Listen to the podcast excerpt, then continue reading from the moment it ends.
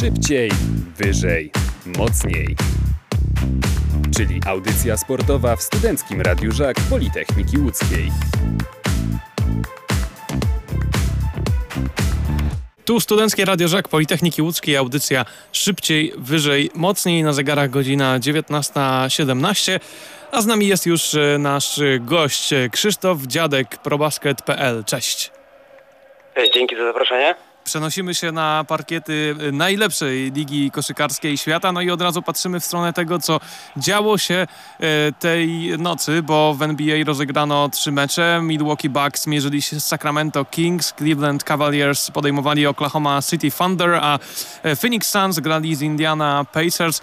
Powiedz, co się działo ciekawego w tych meczach? Które z tych spotkań było najciekawsze, najbardziej interesujące? Co wartego uwagi wydarzyło się w tych spotkaniach? No tak, choć e, były tylko trzy spotkania, to emocji nie zabrakło. E, myślę, że warto tutaj przede wszystkim skupić się na meczu w Milwaukee, gdzie e, Bucks musieli radzić sobie bez dwukrotnego MVP, bez Janisa Antetokounmpo. No i ciężar gry na swoje barki wziął wtedy Chris Middleton, pokazał, że kiedy jest potrzebny, kiedy Janisa nie ma, kiedy to on musi stać się liderem tego zespołu, to potrafi to zrobić. E, w pewnych momentach, prawda, kozły prowadziły tam już kilku, kilkunastoma punktami, e, ale w końcu to zrobiło się gorące i właśnie wtedy Middleton pokazał, że te prześmiewcze porównania do Michaela Jordana w niektórych momentach, chociażby w playoffach zeszłego roku, no powiedzmy nie były nieuzasadnione do końca i, i poprowadził Bucks do zwycięstwa. E, w Cleveland też było ciekawie, mimo że Oklahoma City Thunder to jeden z najgorszych zespołów tego sezonu, to też klasę pokazał chociażby Darius Garland e, i Cleveland odnieśli kolejne zwycięstwo, powiedzmy które tam pomaga im nieco umocnić się na bodaj piątej pozycji w tabeli konferencji wschodniej. E, takie odkucie się po porażce z Chicago Bulls. no a w Arizonie Phoenix klasę pokazał Chris Paul, doświadczony rozgrywający. no mimo upływu lat starzeje się tak jak dobre wino i pokazuje, że, że wiek to tylko liczba i prowadzi Suns do drugiego jak, jak dotąd miejsca na zachodzie. E, skoro już wywołałeś ten e, temat tabeli, tak jak powiedziałeś dokładnie, jeśli chodzi o konferencję wschodnią, Cleveland Cavaliers na miejscu piątym, przed nimi Milwaukee Bucks, czyli te dwie drużyny, które prezentowały się na parkiecie poprzedniej nocy, e, czasu polskiego oczywiście, przed nimi Miami Heat, Chicago Bulls i Brooklyn Nets. Jeżeli chodzi o konferencję zachodnią, tutaj ta pierwsza piątka to Dallas Mavericks, Utah Jazz, Memphis Grizzlies i Golden State Warriors i Phoenix Suns. No i skoro już wymieniłem te nazwy drużyn, które są w czubie e, tabeli, zarówno jeśli chodzi o wschód, jak i zachód, to, to chciałbym, żebyśmy na tym się skupili. E, powiedz, który z tych zespołów, a może ktoś spoza tego grona, jest dla Ciebie w tej chwili, na tym etapie rozgrywek, takim głównym faworytem do zwycięstwa w NBA, do zdobycia mistrzostwa? Kto Twoim zdaniem jest w tej chwili takiej najwyższej dyspozycji i dawałby nam takie realne przesłanki, żeby widzieć w nim pretendenta do, do mistrzowskiego tytułu? Wiesz co, trzeba zacząć od tego, że ten sezon, tak jak i poprzedni, w przeciwieństwie do, do tych lat 2015-2020 dają nam zdecydowaną, zdecydowane większe grono faworytów do tego mistrzostwa, bo e, kibice NBA z pewnością pamiętają te czasy, gdzie dominowali Golden State Warriors i, i Cleveland Cavaliers LeBrona Jamesa. Teraz jednak mamy tych faworytów więcej. E, tak jak już wymieniałeś te zespoły, chociażby zarówno Suns, jak i Warriors są głównymi kandydatami do e, tytułu na zachodzie, tytułu mistrza konferencji zachodniej. Ja bym tu szczerze powiedziawszy widział jednak Phoenix Suns. Myślę, że jeśli dojdzie między tymi dwoma zespołami do bezpośredniego starcia, to jednak Słońca wyjdą tutaj zwycięsko, ale nie wolno zapominać o Los Angeles Lakers, którzy są poza pierwszą piątką, obecnie na siódmym miejscu w konferencji zachodniej. E, mimo, że ta gra im się gdzieś tam nie klei, mają swoje problemy, to jednak nie można skreślać zespołu e, z LeBronem Jamesem jako liderem zbyt szybko, bo wiadomo, że no, król rządzi się swoimi prawami i nigdy nie wiadomo jak to, jak to wyjdzie w playoffach, e, ale mimo wszystko powiedziałbym, że to Phoenix Suns są głównym e, kandydatem do mistrzostwa na zachodzie. E, jeśli chodzi o wschód, to przede wszystkim Brooklyn Nets i Milwaukee Bucks. Mimo, że Bucks, e, tak jak już mówiłeś, zajmują dopiero czwarte miejsce, e, to są to obrońcy tytułu. Też mieli swoje problemy, jeśli chodzi o kontuzję. Często po prostu jeden z, tych, z tego tercetu, czy to Janis, czy Middleton, czy True Holiday, wypadali z gry i mało meczów rozegrali wspólnie. To mimo wszystko, jeśli są zdrowi, e, będą naprawdę groźnym zespołem, podobnie właśnie jak Brooklyn Nets, obecni liderzy wschodu. Oni też mają te głównie problemy ze zdrowiem i to jest ich największy mankament, bo tam raz wypada Kevin Durant, raz wypada James Harden, a Kyrie Irving może grać tylko w meczach e, wyjazdowych, jak, e, póki co, e, póki się nie zaszczepi i to, to, to, może być ich największy problem. Więc ja mimo wszystko, mimo, mimo tego jak to wygląda, w tabeli obstawiałbym Milwaukee Bucks jako faworytów do, e, do, do, do Mistrzostwa Wschodu, czyli widzę, widzę ten finał mniej więcej Milwaukee Bucks Phoenix Suns, e, co oznaczałoby powtórkę finału z zeszłego roku, e, mini rewanż i wtedy widziałbym, że jednak Chris Paul fi- finalnie sięgnie po ten tytuł e, i powiedzmy po sześciu meczach, tak jak to było w zeszłym roku, to Słońca zdobędą tytuł. Okej, opowiedziałeś trochę e, o konferencji wschodniej, o tych mankamentach e, i atutach, o tych silnych i słabych stronach tych drużyn, e, w których widzisz faworytów, jeśli chodzi o e, konferencję wschodnią w kontekście całego sezonu NBA. To chciałbym cię trochę pociągnąć za język, jeśli chodzi o e, konferencję zachodnią, bo tutaj wymieniłeś, o ile w konferencji wschodniej miałeś pewne wątpliwości, wahałeś się pomiędzy tymi dwoma drużynami, to tutaj e, zdecydowanie powiedziałeś o Phoenix Suns. Co sprawia, że właśnie w ekipie Słońc widzisz tak silnego pretendenta do mistrzowskiego tytułu? Myślę, że najważniejsza jest ta mieszanka e, tego doświadczenia, które wnosi, wniósł wraz z przenosinami do Arizony Chris Paul. E, zeszłej nocy chociażby to udowodnił 18 punktów, 16 asyst, no niesamowity mecz. E, I to ta młodzieńcza szaleńczość, którą prezentuje zarówno Devin Booker, e, jak i DeAndre Ayton. E, To wydaje mi się jest idealne połączenie. Warriors też, też oczywiście to połączenie mają. Kerry ma już swoje lata, więc można go zaliczyć do e, weteranów, tak samo Draymond Green. E, ale po prostu coś mi podpowiada, że mimo wszystko w tym bezpośrednim starciu Suns mieliby, mieliby ki- kilka atutów przemawiających za ich, na ich korzyść. Przede wszystkim teraz forma Stefana Kerego. No nie gra on tak jak na początku sezonu, kiedy to mówiono, że no, przy takiej grze wyścig o statuetkę MVP jest już raczej rozstrzygnięty, że Kerry musi ją zgarnąć, chociaż tam Kevin Durant też sobie radził, ale miał problemy ze zdrowiem. E, no to teraz ta forma Kerego waha się dosyć mocno, e, czasem brakuje mu skuteczności, e, czasem czegoś innego, czasem pomysłu na grę, kreatywności, zawsze coś się pojawia. E, no ca- na, na całe szczęście dla Warriors oni cały czas te mecze wygrywają, cały czas są w czołówce, ale mimo wszystko widzę, że to jednak Phoenix Suns e, zgarną tytuł mistrza zachodu, choć tak jak mówiłem, gdzieś tam w tle cały czas pojawiają się ci, ci Lakersi i LeBrona Jamesa. Już wspomniałeś w konferencji wschodniej, że twoim zdaniem to nie Brooklyn Nets ją zdobędzie i czego skutkiem nie zdobędzie mistrzostwa NBA, to gdzie twoim zdaniem zobaczymy za rok już Jamesa Hardena? No bo otwarcie powiedział, że jeśli tego mistrzostwa nie uda się zdobyć, to będzie musiał się przenieść. Tu mam, tu mam e, dwa scenariusze dla Jamesa Hardena. E, pierwszy w oparciu o własne upodobania, bo jestem, jeśli chodzi o wschód, e, sympatykiem Philadelphia 76ers i coraz więcej mówi się, że e, w przypadku upadku tego projektu Nets, to właśnie tam przeniesie się Harden, czy to po prostu podpisze kontrakt, czy coś w stylu sign and trade, czyli podpisze kontrakt z Nets i oni go automatycznie wymienią za chociażby Bena Simonsa, który, który wiemy jaka jest jego sytuacja, nie gra od początku sezonu, I na taki scenariusz osobiście liczę, dlatego też gdzieś tam e, z tyłu głowy mam, mam nadzieję, że e, ci Nets w tym finale po prostu nie zagrają i, i James Harden, mówiąc, mówiąc kolokwialnie, strzeli focha e, i odejdzie. Ale potrafię sobie też wyobrazić scenariusz, w którym e, Harden siada wraz z Durantem i Irvingiem po takim nieudanym sezonie e, i mówią sobie, no słuchajcie panowie, musimy wziąć się w garść, to ostatnie lata naszej, naszego prime, jak to się mówi e, w Ameryce, naszej na- najwyższej formy. Musimy spróbować jeszcze raz i jestem w stanie uwierzyć, że Harden podpisałby przedłużenie chociażby o rok, może dwa lata, e, albo wykorzystał tą swoją opcję zawodnika, która automatycznie mu tam przedłuża kontrakt o rok e, i wtedy po prostu Nets spróbują jeszcze raz. Nie, nie wydaje mi się, żeby inny kierunek niż, niż Brooklyn i Philadelphia obrał Harden. A czy twoim zdaniem ich główny problem to są właśnie te kontuzje, które ich nękają, czy jednak tutaj, trochę porównując do piłki nożnej, do PSG, jest po prostu za duży przesyt gwiazd, żeby szły za tym jakieś trofea? Też jest ciekawa sprawa, bo nie wydaje mi się akurat, żeby to był ten przesyt, e, przesyt umiejętności, przesyt e, czegokolwiek pozytywnego.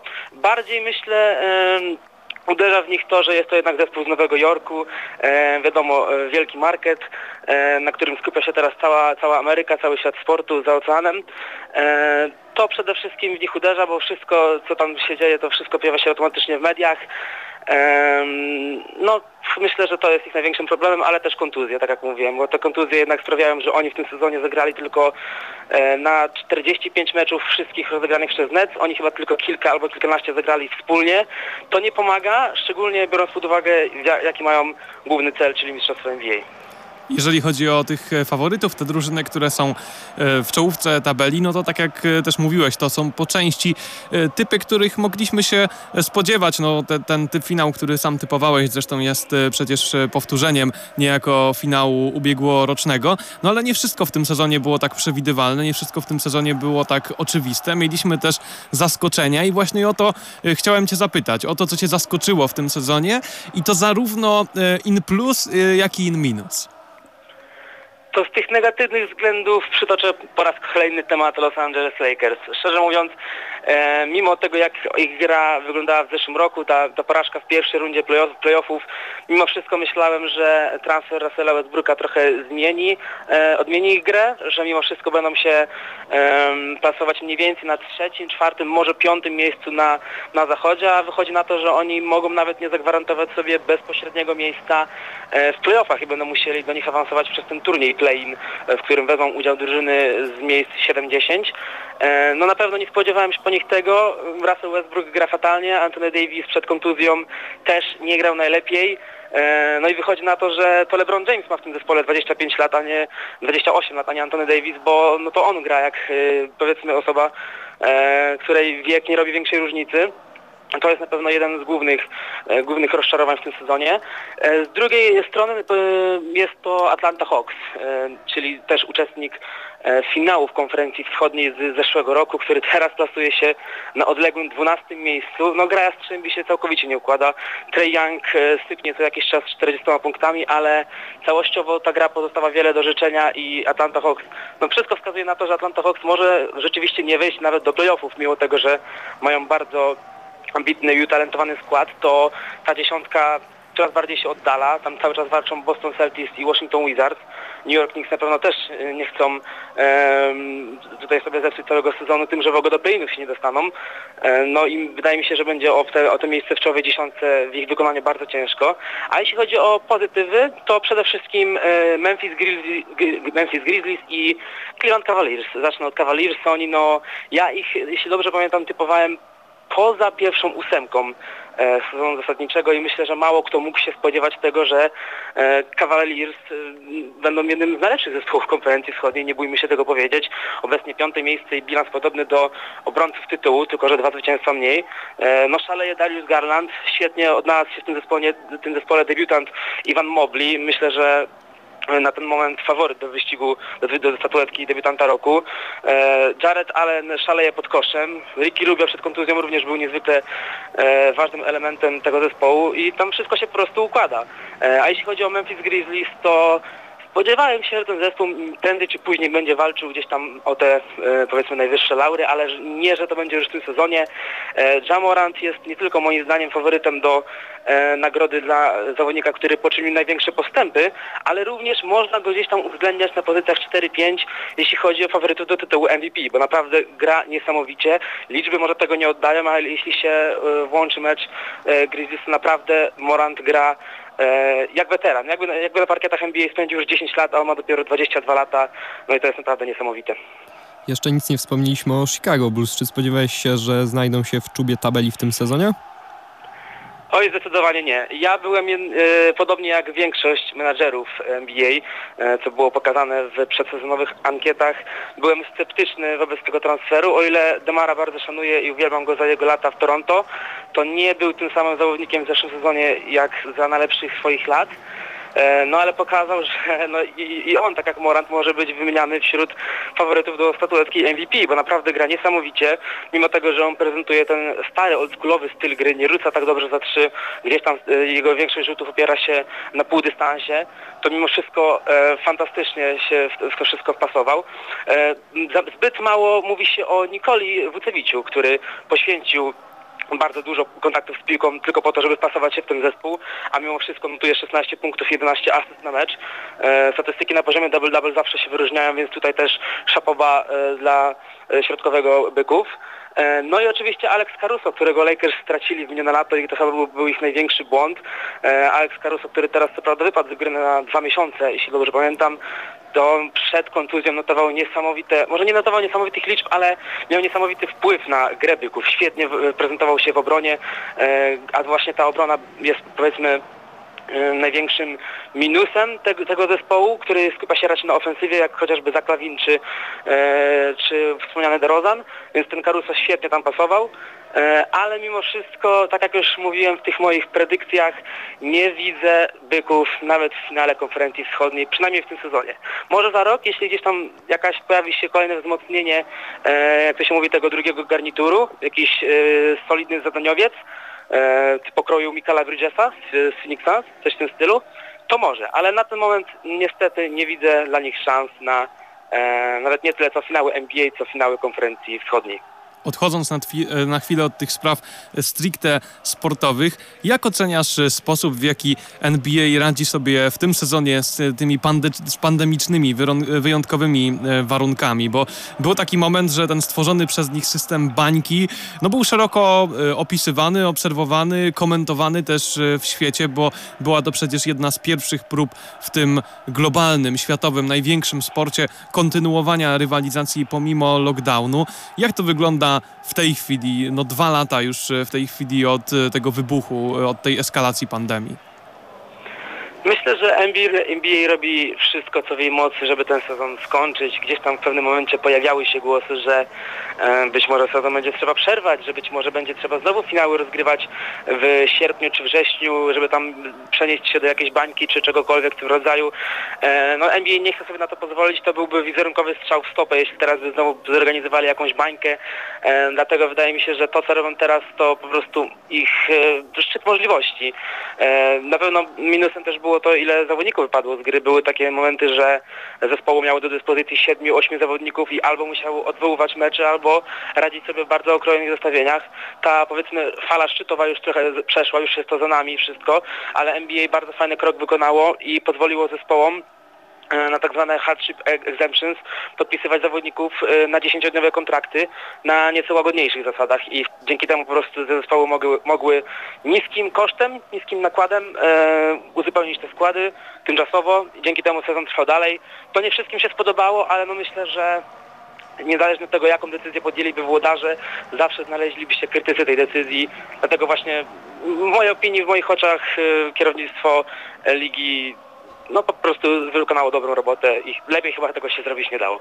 No to na koniec zerknijmy e, w stronę tego, co w tej chwili dzieje się w NBA i co będzie się działo dzisiejszego wieczora, bo ten dzisiejszy wieczór e, jest wyjątkowy, bo dzisiaj można śledzić rozgrywki najlepszej ligi koszykarskiej na świecie, wyjątkowo bez zarywania nocy i, i, i takich przykrych konsekwencji, że potem nie można wstać następnego dnia e, do pracy, bo od 19 New York Knicks grają z Los Angeles Clippers. W tej chwili trwa pierwsza kwarta, kończy się pierwsza kwarta, 39 do 31 dla Knicks, e, a o godzinie 21.32 mecz Washington Wizards e, podejmą e, Boston Celtics. Czego spodziewasz się po tych spotkaniach? Jakie to będą mecze? No w przypadku New York Knicks ten mecz, tak jak mówiłem, już trwa. Jednym słowem, jednym słowem czy warto ten dzisiejszy wieczór spędzić wraz z NBA? Myślę, że zdecydowanie warto, wystarczy po prostu zerknąć na e, tabelę. E, cztery, e, trzy zespoły z czterech, które rozgrywają dzisiaj spotkania o tych ludzkich dla, dla europejskich kibiców porach, są tuż za sobą w tabeli. Dziewiąte miejsce Washington Wizards, dziesiąte Boston Celtics i to właśnie oni zmierzą się o 21.30. Ten mecz może okazać się kluczowy w perspektywie walki o rozstawienie w turnieju play Jeśli Wizards wygrają, to odskoczą Bostonowi, który może spaść nawet na 11 miejsce, jeśli Knicks wygrają swój swój mecz. Dlatego myślę, że te mecze naprawdę, mimo że nie grają zespoły z czołówki, to warto rzucić na nie okiem i poświęcić niedzielny wieczór właśnie na NBA. E, New York Knicks, Los Angeles Clippers, przypomnijmy, to jest spotkanie, które trwa, e, a o 21.30, tak jak mówiłeś przed chwilą, Washington Wizards i Boston Celtics. W ten wyjątkowy z europejskiej perspektywy wieczór, który możemy spędzić e, z NBA, nie lądując następnego dnia na przykład na wydywaniku u szefa. Tyle nasz dzisiejszy gość, Krzysztof Dziadek, probasket.pl i jego raport z tego, co dzieje się na parkietach NBA. Dzięki za tę rozmowę. Dziękuję za zaproszenie. Szybciej, wyżej mocniej. Czyli audycja sportowa w Studenckim Radiu Żak Politechniki Łódzkiej.